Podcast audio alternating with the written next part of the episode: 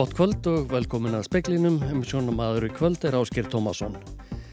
Lýst hefur verið yfir óvissusti í almannavarna vegna skjáltaðrinnunar úti fyrir Norðurlandi. Hægri og vinstri blokkirnar í Svíþjóð eru nánast jafn stórar fyrir þingkostningarnar á sunnudag. Karl Konungur III heitir því að fylgja fordæmi móður sinnar og þjóna breska samveldinu til æviloka.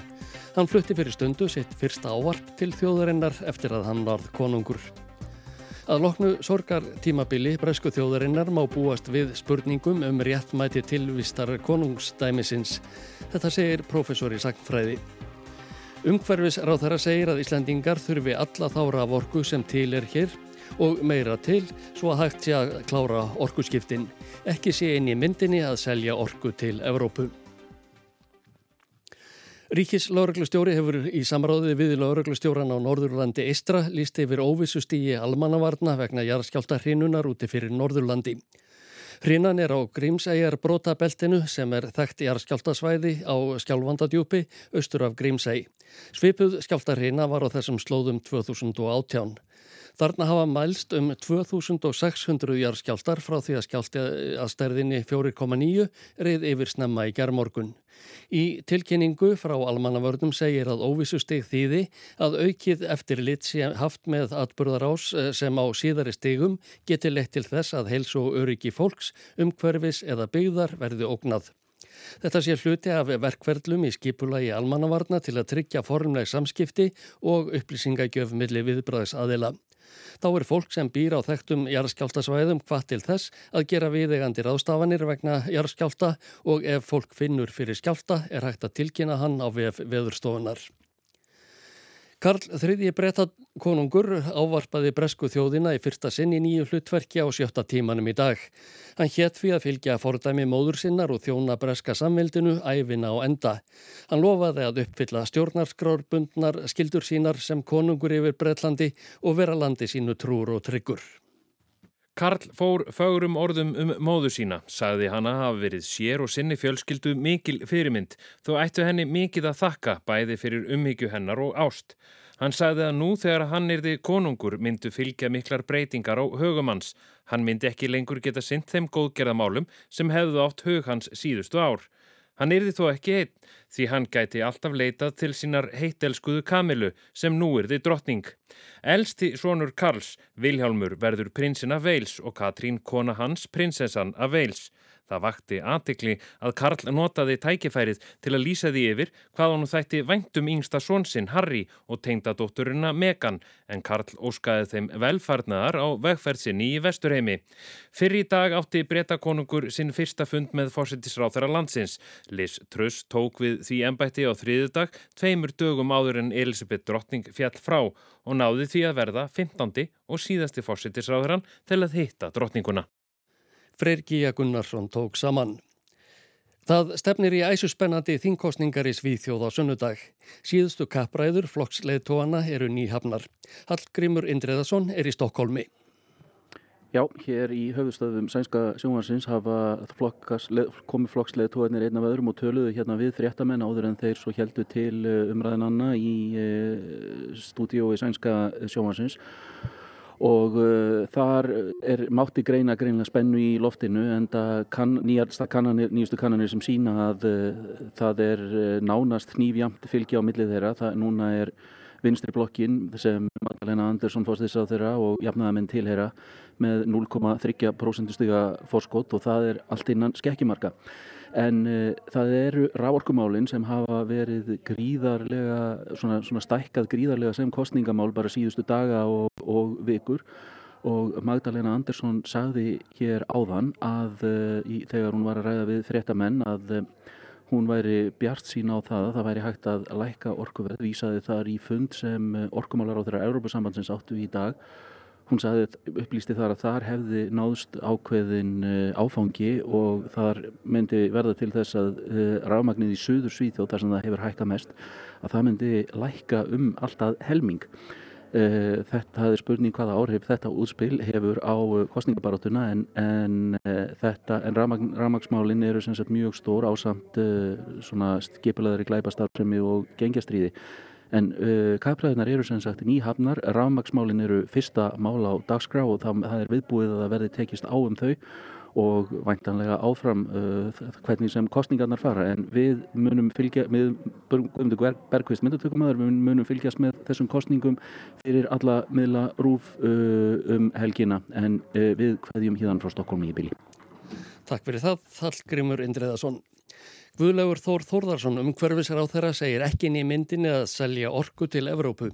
Samkvæmt land, landsvirkjun hefur þeim fjölgað mjög sem sækist eftir að koma með framleiðslu sína hingað vegna síhækkandi orkuverðs í Evrópu. Auka þurfi framleiðslu rafmaks með því að virkja meira. Guðlegur Þór segir að Íslandingar þurfi alla þá raforku sem til er hér og meira til svo að hægt sé að klára orkuskiptinn. Forgangurinn er þessi.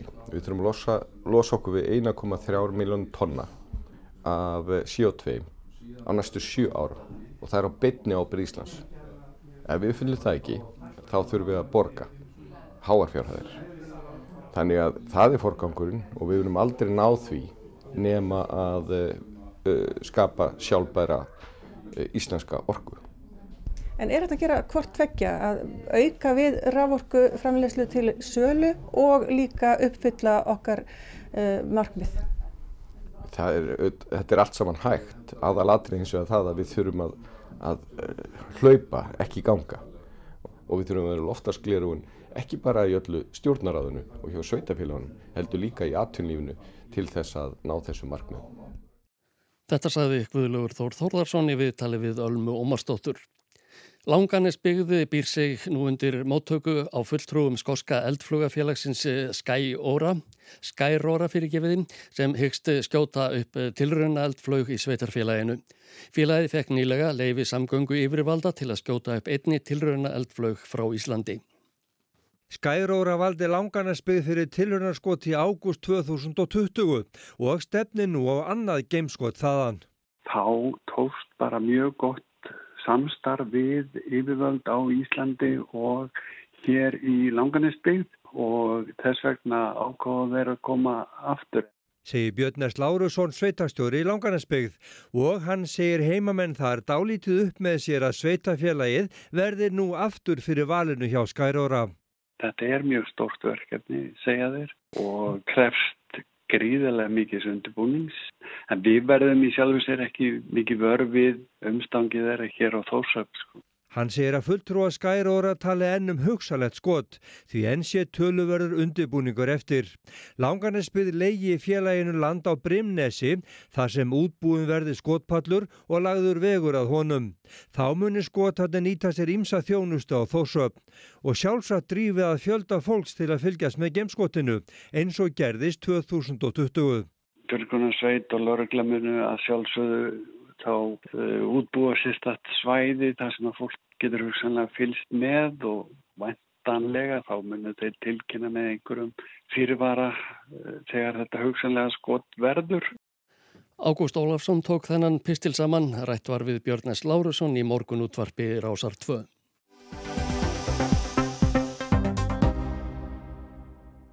Þjóðarsorg ríkir í Breitlandi eftir að tilkynnt var um andlát Elisabetar englaströtningar síðdegis í gær. Elisabeth tók við ennbætti drotningar 1952 þegar að fadir hennar, Georg Sjötti, andaðist. Hún varð hvortvekja langlífasti þjóðhöfðingi Breitlands og sá sem gengdi því ennbætti lengst. Í vor var haldið upp á 70 ára valdatíðanar í Breitlandi. Arnur Gunnar Gunnarsson, sakfræðingur, segir það standa upp úr þegar hennar er minnst að hún hafi dreigið ennbættið niður á jörðina og svift konungsveldi þeirri dölúð sem áður þótti umleikjaðað. Þrátt fyrir miklar vinsældir hafi hún ekki verið alls óumdeild. Hennar þáttur okkar sé miklu leiti svona einhver tákmynd sem uh, fólk hefur tólkað með svona hátt. Ég meina við sjáum fólk í gegnum tíðina hefur litið ána sem einhvers konar tákmynd þessa heimsveldis eða nýlandu stefnu en það, það fólki auðvitað hefur bara haft mjög skiptar skoðunir á, á því hvernig á að líta á hana í, í þeim efnum en allavega þegar hún tekur við þá er Breitland heimsveldi sem verður að liða sér sundur við sjáum allavega að vinseldir Elisabetar voru alltaf mjög, mjög miklar hennar persónulegu vinseldir uh mhm. -huh. og ekki og Karl hefur aldrei verið jafnvinsæl sem veki spurningar um framhaldið. Hlutverkið hefur breyst í hennar tíð en það hefur umheimurinn og brest samfélag líka gert.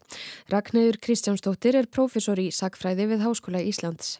Hún var ekki bara breytadrottning, krúnan og embætti náði jafnframt yfir land innan breska samveldisins.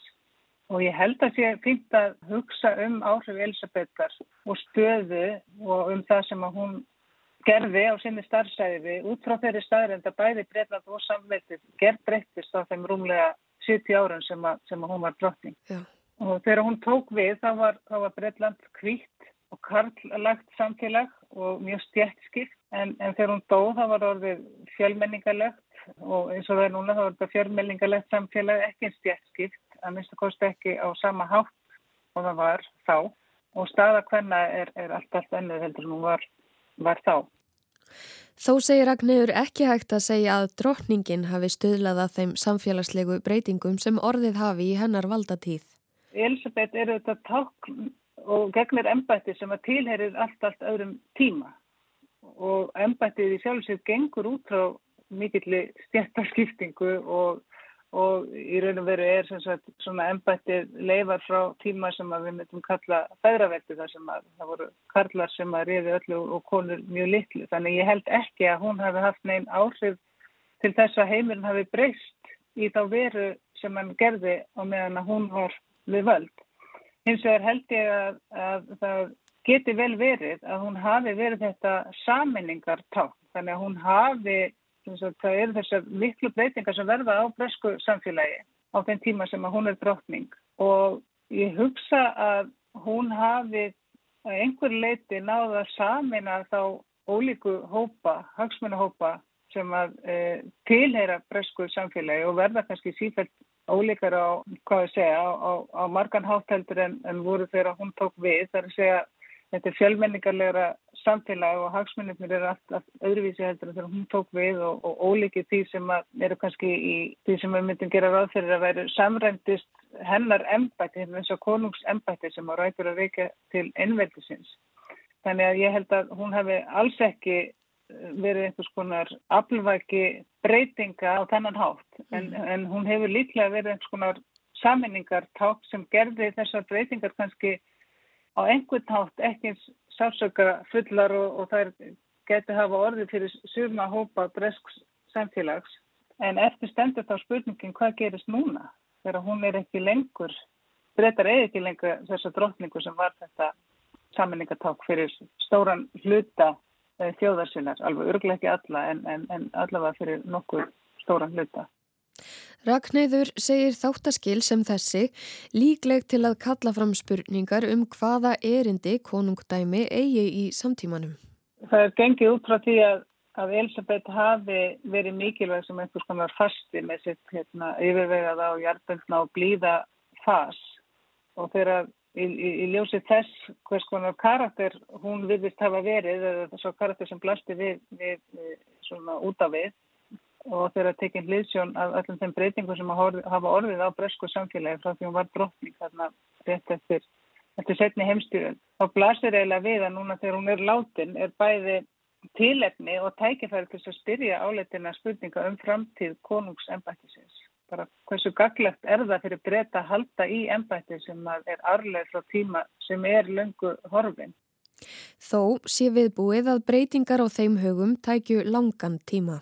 Breitland er ekki samfélag sem að breytist mjög rætt þannig að ég er ekkert að, að spáninum rosalegum vendingum á næstu viku. En, þetta er spurning sem að hlýtur að, að koma upp núna þegar að þessu sorgartímabili er, er lokið og, og jarðarferðin hefur allt sér stað og, og svo framvegist. Það er náttúrulega hérna, umræðin sem er núni í Breitlandi ber þess merki að hún er nýlátin og Elisabeth og það er glættir að koma fleiri sjónamið fram þegar nokkra vikur eru liðnars. Segir Ragnhildur Kristjánsdóttir, Hafdís Helga Helgadóttir talaði við hana og Arnur Gunnar Gunnarsson.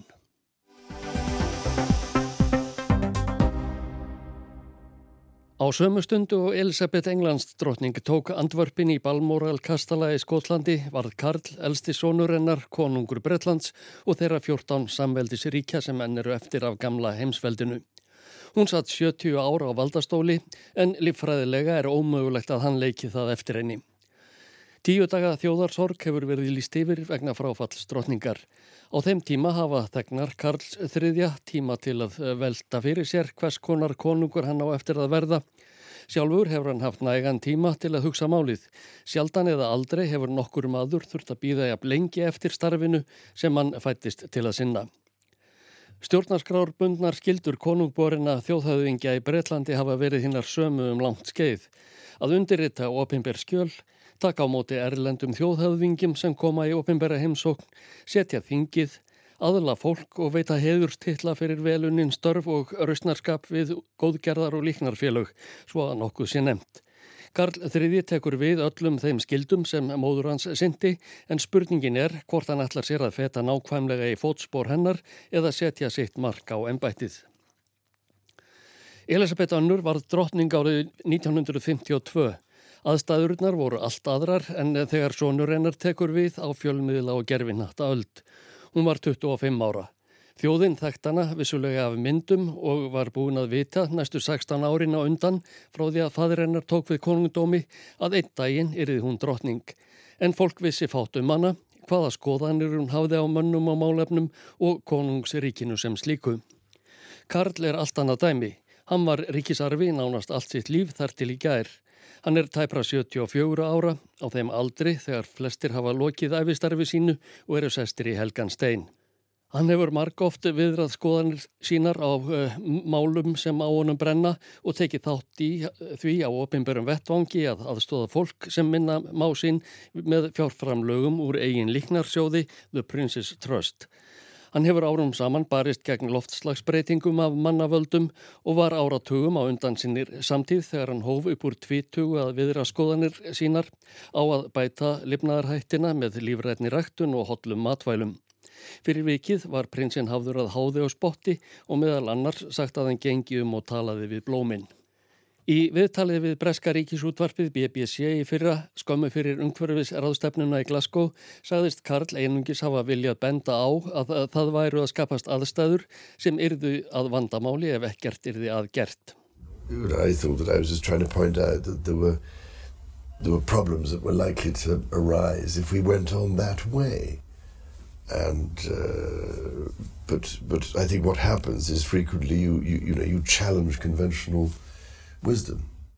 En það sem getur gerst er að maður viðrar skoðanir sem eru í andstöðu við almenna visku bættan við. Svo fór að náttúruvendar sjónarmiðin sem prinsinn talaði fyrir frá unga aldri öðluðust almenna viðurkenningu. Fyrir aldarfjörðungi hlaut hann til dæmis viðurkenningu miðstað var leknadeildar Harvard háskóla sem berst fyrir umhverfismálum á heimsvísu. Stjórnandi miðstöðvarinnar sagði við það tækifæri að prinsinn á Wales hefði áratugum saman verið málsvari bættra lífshátta í heiminum og verið í fóristu þeirra sem berjast fyrir bættri orkunýtingu og gegn losun eiturefna í lofti á láði og leiði. Í viðtalinu sem vitnað var í hér að framann kom fram að Karl hefði verið mikill bíla áhuga maður árum saman. Hann samsindi því en sagði að úr áhuganum hefði dreyið þegar í ljós kom hversu mikilli mengun bílar valda. That was before we knew what the problems were particularly. But I, my old Aston Martin, which I've had for 51 years, that runs on, can you believe this, surplus English white wine.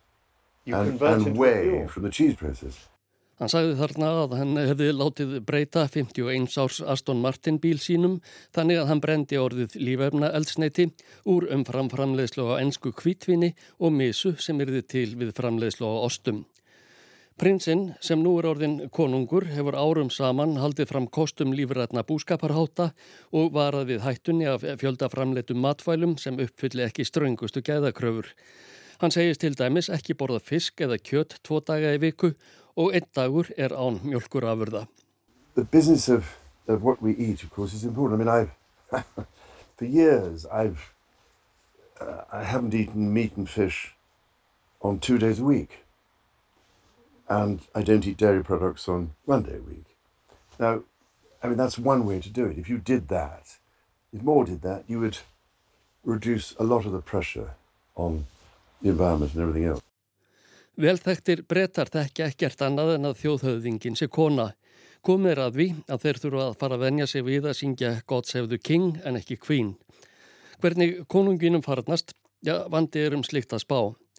Ingi Björg Rósa Björnstóttir, bladamadur í Edinborg, nefndi eitt atriði þegar hún rætti tíðindin af andláti drotningar í morgunvaktinni á rás eitt í morgun. Ég óttast að Karl fá ekki alveg svona eins og ég segi, e, e, eins miklu virðingu eitthvað eða, eða þetta verði eitthvað svona pínu beðtímabil bara þangar til að, að Vilhjálmur tekur við. En ég hugsa að þetta opni fyrir svona einhverja meiri gaggríni á monarkið sem komumstæmi. En þetta verður mjög skrítið. Þetta er svona, maður getur ekki hugsað sér þetta en, en þetta er að gerast. Þetta var Ingi Björg Rósa Björnstóttir í Edinborg.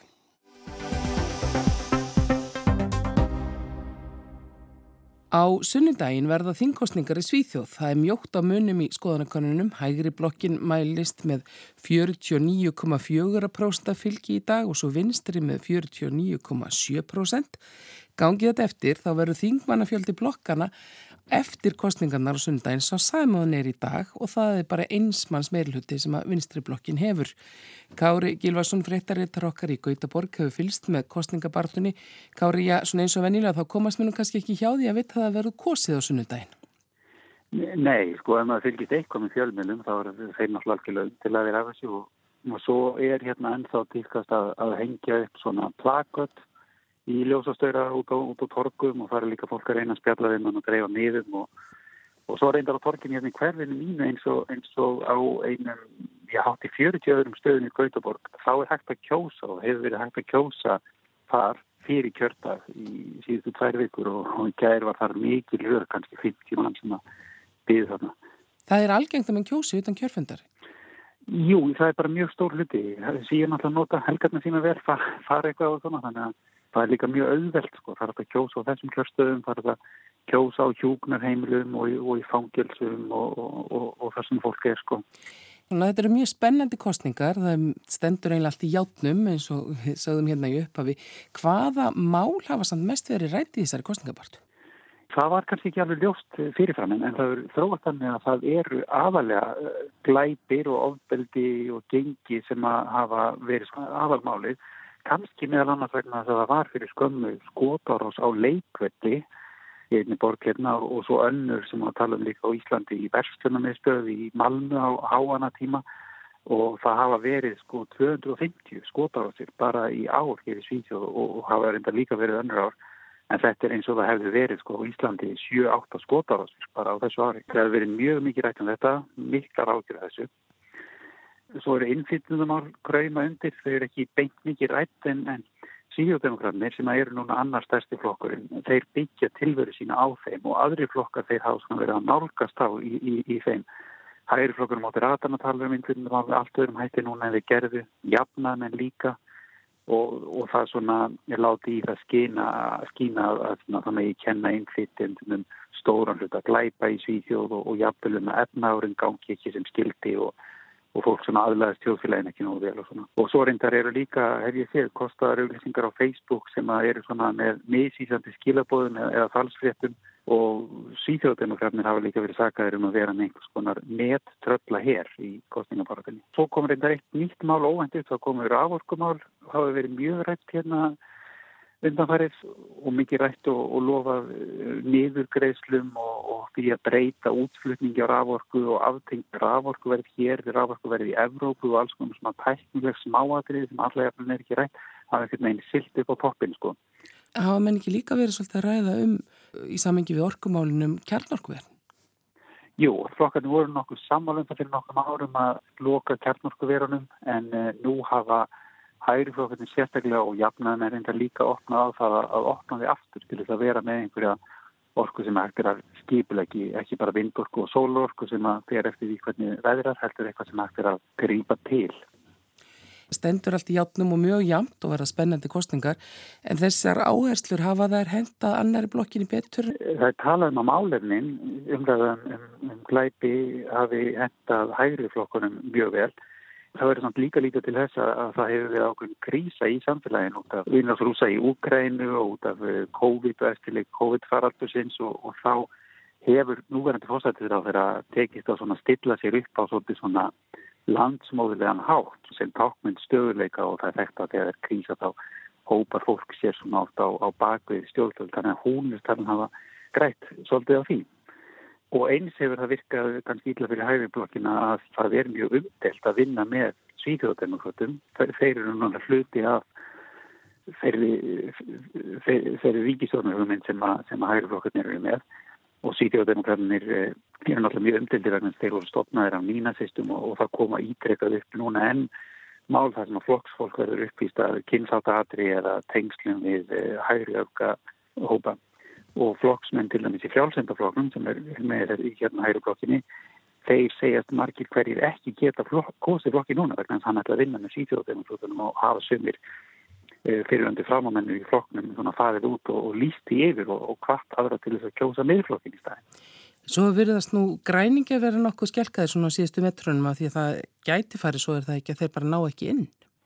Jú, bæði frjálflindir og, og græningar eru með viðlíka mikið fylgi, þeir eru svona um 5% inn. Ef að flokkarnir fara undir 4% þá náður ekki ná á þing og það myndir náttúrulega breyta landslæðinu síðan aftur alveg og mann viltist fara kannski aðeins á taugum núna eftir síðustu skoðanakvarðin í dag formaður græninga því að hann sendi skeit á einhverjar þúsundir eh, félagsmanna og, og stuðningsmanna græningja og, og, og fór bara að byggja um peninga til þess að að stað meiri auðlýsingar til þess að tryggja það að flokkurum myndi ekki falla út af þingi og var kannski líka svolítið örvendingaföldur vegna þess að loftlagsmálum er eitt af þessum málum sem var algjörlega verið í, í skugganum og öðrum í, í kostningaparti. Þetta ljómanu svona bara svo spennust í þessi hátt á síðustu metrunum eins og oft er eh, fer allt í fastar skorður eftir kjördaginn. Já, það verður kannski starfinn síðast. Síðast tók þetta eitthvað 129 daga að mynda nýja stjórn sem var mjög óvinnulegt hér. Það tekur úr skemmið tíma núna en það er samt mjög mjótt að muna og kannski mun bara muna einu eða tveimur þingsætum á, á blokkunum tveimur. Ef vinstriblokkin fær meiri hluta þá þarf að koma þetta samkomlega við miðflokkin sem er rauninni hægri flokkur og, og vill meiri engaregstur og vill minni reglur um umhverfisvernd og og læri skatta allt svona stefnumál sem að eru þreft á stefnu innaflokkana, þannig það verður alltaf einfalt. Og ef að hægri blokkin vinnur, þá þarf að halda saman mjög tæpu meirulita með stuðningi svíþjóðdemokratana og það er flokkur, flokksmenn þar og þingmenn komast oft í sviðsljósið af kollungum ástæðum vegna kynþáttaheikju eða mála eins og við verðum að tala um hér áðan. Þannig að það verður, það verður ekkit einfalt heldur og svo er líka stefna hægri flokkana að halda svíþjóðdemokratunum utan við ríkistjóðina. Hann er að stilja hana, það verður samið eitthvað um stefnumála svona en hann takir ekki sæti í, í ríkistjóðin. Formað flokksins hefur lísti yfir að hann vilji fá sæti í ríkistjóðin og það stefnir allt í að svíþjóðdemokratunir verði næst stæsti flokkur landsins og stærri en mótir aðtana sem að gera gröðum fórsættisræður stórun og ef að flokkun verður svona stór þá er kannski erfitt fyrir hann að fá ekki sæti ríksjálf og, og þá getur eh, frjálsindi flokkurinn, getur hann þá stutt líka stjórn, á eftir að koma ljós. Þetta sagði Kári Gilvason, okkar maður í Gautaborg, Anna Kristín Jónsdóttir talaði við hann. Viðurhorfur í landinu, viðurhorfur á landinu til miðnættis annað kvöld. Suðvestan 8 til 13 metrar á sekundu en heldur hægar í vestanlands. Ryggning á suður og vesturlandi og hiti 10 til 15 steg en bjart viðri um landið norðaustanvert með hita að 20 stegum. Öslæg átt 5-10 á morgun en norðan og norðaustan 8 til 13 norðvestan til. Lengst af rigning á sunnanverðu landinu en skíjað og úrkomulítið norðanlands. Hitti verður 9 til 16 stig. Það var helst í speklinum í kvöld að líst hefur verið yfir óvissustígi almannavarna vegna skjáltarhinnunar úti fyrir Norðurlandi. Hægri og vinstri blokkirnar í Svíþjóðir eru nánast jafn stórar fyrir þingkostningarnar á sunnudag. Karl Konungur III heitir því að fylgja fordæmi móður sinnar og þjóna breska samveldinu til æviloka. Hann flutti síðdegis sett fyrsta ávarp til þjóðarinnar eftir að hann varð kongur. Umhverfis ráð þeirra segir að Íslandingar þurfi, að, e, þurfi alla þá raforku sem hér er til og meira til svo að hægt sé að klára orkuskiptin. Ekki sé inn í myndinni að selja orku til Evrópu. Fleira er ekki í speklinum í kvöld. Tæknimaður var Mark Eldredd, verði sæl og góða helgi.